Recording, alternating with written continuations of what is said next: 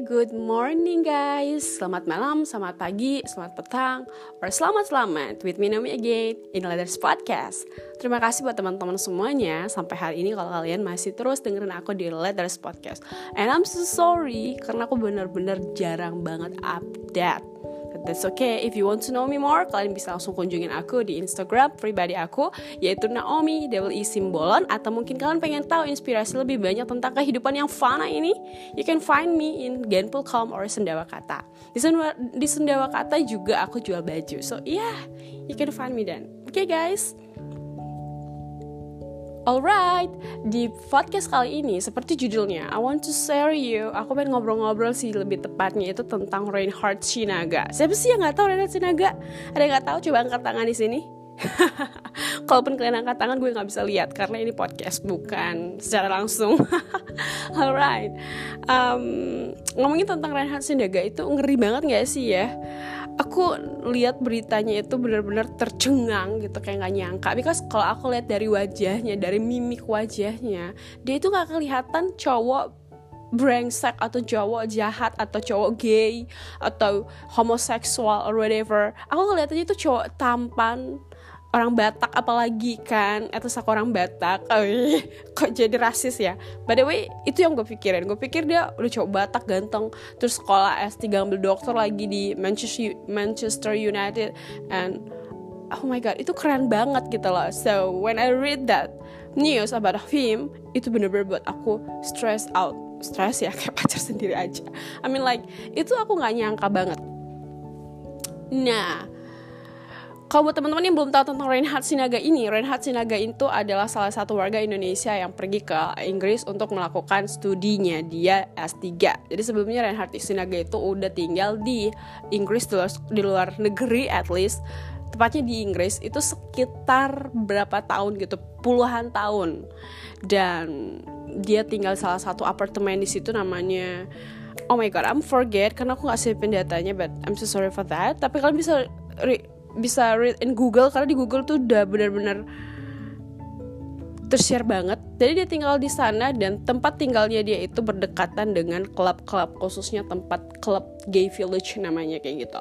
Nah dia tinggal di situ jadi memang dia berada di lingkungan gay. So memang Richard Richard iya betul Reinhardt I mean not Richard memang Reinhardt Sinaga itu memang gay jadi dia tinggal di Kalayak gay Nah, menurut berita yang beredar nih, buat teman-teman yang belum tahu, Reinhard Sinaga ini didakwa oleh polisi Inggris sudah memerkosa 190-an kurang lebih cowok. Listen be careful, listen careful. Cowok ya, dia memperkosa cowok bukan cewek. kalau misalkan cewek sih enak banget dengernya ya. Ini dengernya dia memperkosa cowok. I know beberapa dari kalian mungkin mikir gimana sih dia bisa memperkosa cowok. Eh dari berita itu kita nggak akan bahas itu dulu. Tapi dia memperkosa cowok dan cowok-cowok yang perkosa ini adalah cowok-cowok yang dia tawarin minum atau cowok-cowok yang mabuk dia tawarin tumpangan ke apartemennya dia. Jadi sekitar jam 12 malam jam 7 sampai jam 12 malam dia akan lalu layang lalu lalang layang-layang selayang pandang. Oke, okay. dia akan lalu lalang di depan apartemennya atau di sekitar apartemennya gitu, dan dia akan tawarin mereka-mereka anak-anak muda atau orang-orang yang lagi mabuk. Kan kan dekat situ kan seperti yang tadi aku bilang dekat apartemennya itu ada klub. So mereka yang dari klub bakalan lewat ke depan uh, sekitar apartemennya dia. Jadi so dia akan tawarin orang-orang itu untuk minum or istirahat, drink some water atau apa pun itu untuk minum di sana. So di situlah dia mulai bereaksi. Dia biasanya akan bawa satu orang setiapnya, bukan dua orang. Kalau dua orang kan ketahuan, jadi dia juga capek. Jadi dia bawa satu orang, capek ngapain? Terus dia bawa satu orang. Terus caranya dia lagi adalah dengan um, ketika orang itu udah datang ke apartemennya lalu disuguhin minum aku menurut aku ya si, Pren, si Reinhardt ini nggak cuma suguhin kopi atau alkohol karena dari berita itu ada dia dia di apartemennya ada banyak sekali alkohol nggak cuma alkohol mungkin juga dia akan nawarin air putih dan di dalam air putih itu dia akan taruh racun. Nah, menurut berita yang ada ada sebuah racun, kalian boleh cari nama racunnya. Nah, racunnya itu adalah racun yang uh, bekerja selama 20 menit setelah orang itu meminum dan membuat orang langsung nggak sadarkan diri dan dia akan lupa ingatan setelah meminum racun itu gitu. Nah racun itu berbentuk bening jadi ketika diteteskan pun ke air air apa sih? Air putih yang bening nggak akan kelihatan sama sekali gitu dan nggak ada rasanya apa-apa. Jadi ketika dituang kayak gitu nggak akan ngerasa apa-apa dan nggak akan tahu kalau ada racun di dalamnya. Jadi menurut aku ya menurut kalau yang aku setelah aku melihat si racun ini bentuknya seperti itu menurut pemikiran aku si Reinhardt juga naruh racun itu ke dalam air putih. So ketika uh, dan di beritanya juga dikatakan ketika si korban yang nggak sadar barulah Reinhardt ngerjain dia dan mengerikannya lagi ngerjainnya itu nggak dari depan dari belakang. Karena kan mereka sama-sama cowok jadi dari belakang dari buntutnya gitu loh guys. You can imagine that right? So aku nggak akan ceritain terlalu detail gimana caranya dia memperkosa itu. Tapi intinya adalah teknik memperkosanya aku gak akan ceritain. Karena I don't know about that. Tapi kalian bisa baca beritanya tentang lebih dalam lagi gimana cara memperkosa. Aduh agak por porno porno soalnya kalau bahas tentang itu. So ya. Yeah. setelah itu dia akan perkosa itu orang. Dan kemudian um, orang itu nggak akan sadarkan diri. Dan akhirnya setelah dia udah udah udah udah bangun mungkin korbannya merasa nggak terjadi apa-apa. Uh, karena dia sudah fine fine aja bangun tidur terus habis itu balik. Tapi satu ketika akhirnya kasus ini oh, oh wait wait aku akan cerita sama kalian. Ketika dia memperkosa itu yang lebih mengejutkan lagi adalah Reinhardt memvideoin aktivitasnya dia selama dia melakukan pemerkosaan itu. Aneh gak sih menurut kalian? Dia udah melakukan kejahatan dan dia videoin. Itu kan dia ninggalin jejak ya. But atau mungkin dia emang suka koleksi foto-foto atau whatever kayak gitu. I don't know that. Tapi intinya adalah dia me rekam. Nah, detik-detik dia ketahuan ya sama polisi Inggris adalah ketika suatu kasus terjadi di dalam apartemennya. Jadi dia itu udah memperkosa satu laki-laki dan laki-laki itu menyadarkan sadar gitu loh. I don't know apakah obat racunnya enggak berfungsi atau mungkin si Reinhardt terlalu terlalu termakan suasana dan terlalu lama melakukan proses pemerkosaannya sehingga si orangnya sadar gitu. Tapi dari berita dikatakan dia sadar dan si si posisinya kalian bisa bayangin ya si orang yang diperkosa itu di bawah si orang di atas kemudian dia sadar terus laki-laki yang korbannya ini uh, ngeliat dirinya telanjang terus dia pukul si Reinhardt dengan aku nggak tahu dengan barang sejenis apa tapi intinya itu membuat Reinhardt memar dan akhirnya dibawa ke kantor polisi lah intinya. Si cowok ini si korban langsung telepon polisi telepon polisi. Tadinya korban nggak tahu korban uh, tadinya si si Reinhardt ini adalah korban di matanya polisi tapi akhirnya lama-lama kelamaan uh, si polisi coba selidiki sampai pada akhirnya Reinhardt memberitahu password apa password handphonenya si Reinhardt dan polisi menemukan banyak sekali video-video di sana dan ada beberapa beberapa handphone yang Reinhardt pakai. Dan dari situlah kasusnya terkuak dan mulailah banyak orang yang melapor ke polisi tentang uh, tingkah sih apa sih ya, tentang kelakuan si Reinhardt ini. Dan akhirnya polisi pun dari tahun 2017 jadi kasus itu sebenarnya udah lama banget guys.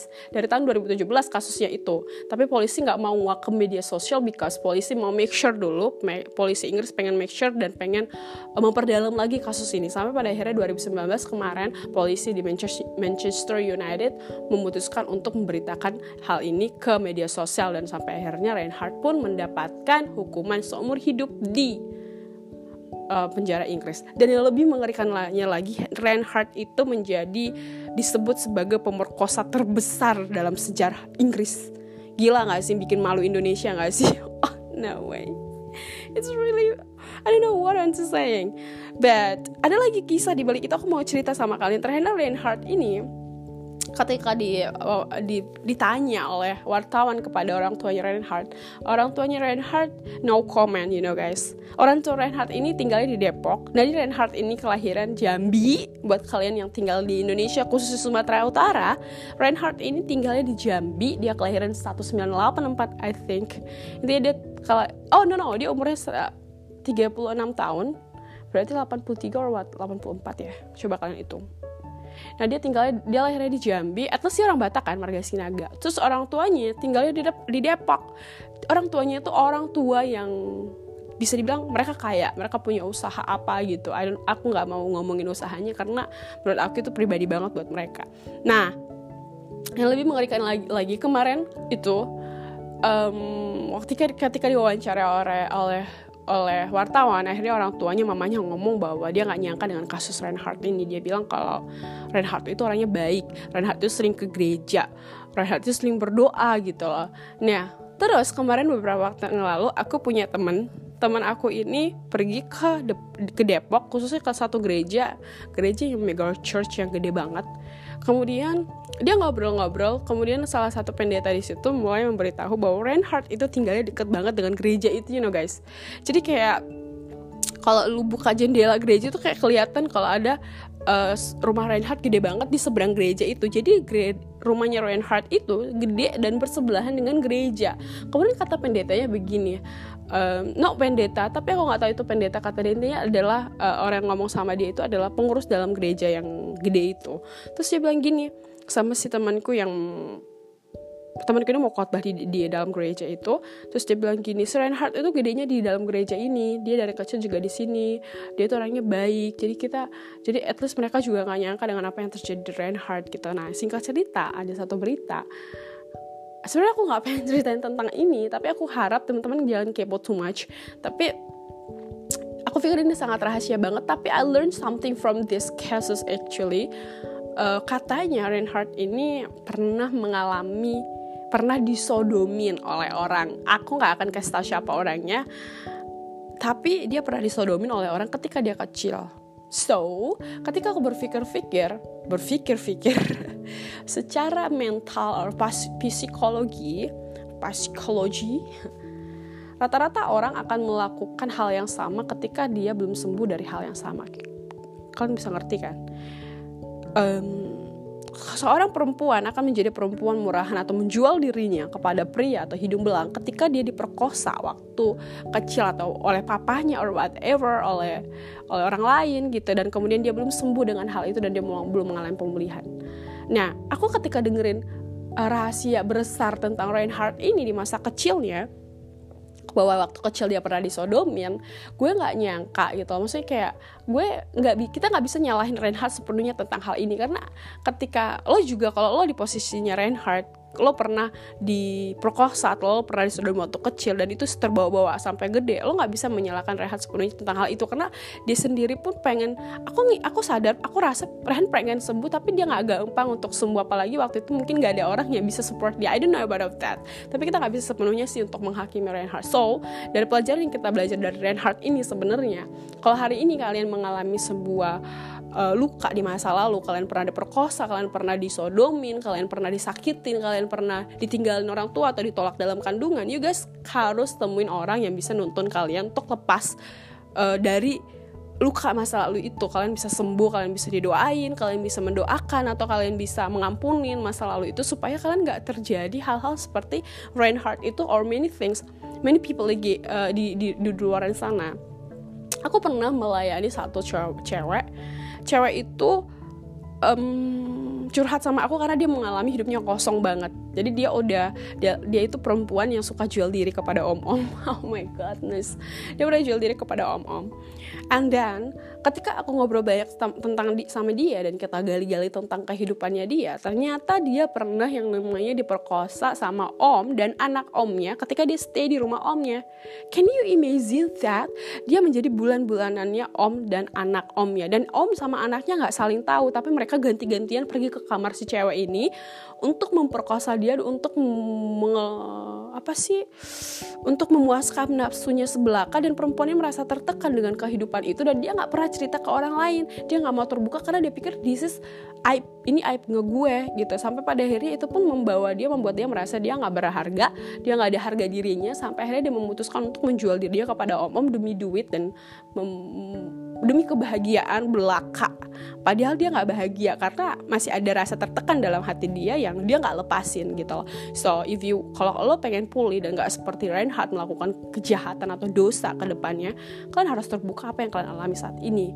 Salah satu katanya salah satu quote dalam hidup aku yang aku sangat-sangat ngomongin selalu ke orang tentang pemulihan adalah gini. Keterbukaan adalah awal dari pemulihan. If you want to heal kamu harus terbuka kepada orang lain so that the way I talk to you guys um, stop menghakimi Reinhardt. Aku nggak muji dia sih. Ya nggak nggak nggak nggak bela dia. Tapi at least mau gue bilang buat lo semuanya dari podcast gue hari ini pesennya literusnya buat lo terbukalah kalau lo mengalami luka dalam diri lo. Because you're not alone kamu punya orang yang bisa support you. Kalau lu nggak tahu mau terbuka sama siapa, or you kalau lu nggak mau nggak tahu siapa yang akan bimbing lo atau nggak ada yang bantuin lo untuk keluar dari luka itu, kalian bisa hubungin gue sekali lagi, kalian bisa hubungin gue di sendawa kata atau Instagram at sendawa kata atau Naomi IWI Simbolon atau di genpul.com. Oke, okay, nanti di situ kita akan ngobrol banyak dan mungkin kita bisa meet up buat kalian yang stay in Jakarta. Aduh gak kerasa ya udah 20 menit hampir masih 15 menit deng. Tapi cuman ini kelamaan banget Aku takut kalian bosen dengerin gue. So thank you already hear me guys. I'm so sorry kalau aku punya salah. Aku juga minta maaf buat pihak-pihak yang merasa tersinggung dengan pembahasan aku hari ini. Tapi tujuan aku untuk membahas ini bukan untuk menjelek-jelekan atau membongkar aib orang-orang But aku pengen cuman bilang ke teman-teman yang mungkin belum terbuka tentang kehidupannya um, hari ini aku mau bilang terbukalah supaya kalian enggak melakukan dosa-dosa yang besar yang kalian enggak akan sangka dan membuat kalian menyesal seumur hidup.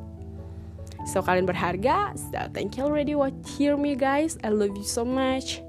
Dan kalian bisa komentar kalau misalkan aku ada salah di Instagram pribadi aku. Aku sangat suka di komentar karena gak ada manusia yang sempurna. Thank you already hear me guys. See you in the next podcast. Dadah.